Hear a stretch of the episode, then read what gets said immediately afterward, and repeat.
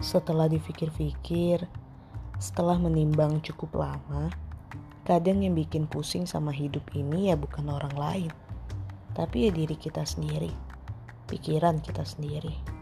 Kayak contohnya, misal kita nggak suka sama sesuatu yang kita lihat di media sosial, atau nggak suka sama si A atau si B, atau nggak suka sama si artis A, atau juga nggak suka sama film berjudul B. Padahal ya, kalau nggak suka ya udah biarin gitu. Tapi sayangnya masih banyak orang di luar sana kalau nggak suka sesuatu kalau nggak serak sama sesuatu mereka pasti ataupun di antara kita pasti menjelekannya tanpa sadar ataupun sadar sekalipun.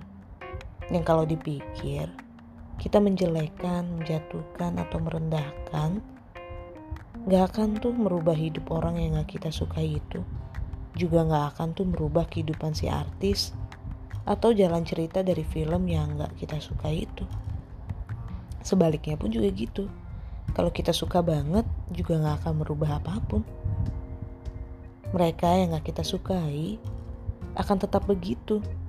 Artis yang gak kita sukai juga akan masih nongol di layar kaca.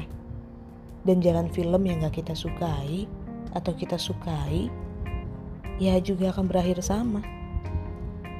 Jadi ya daripada sering menyalahkan hidup gini-gini aja atau nyalain orang yang gak kita suka atau sesuatu yang gak kita suka, bukannya lebih baik merubah pola pikir seperti ini.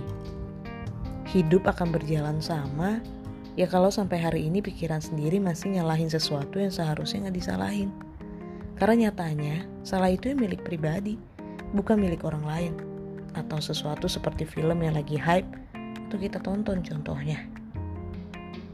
Jadi daripada sibuk untuk nyalahin seseorang, bukan lebih baik membenahi diri sendiri untuk menjadi pribadi yang lebih baik untuk diri sendiri juga. Jadi untuk semuanya jangan lupa istirahat ya. Selamat malam.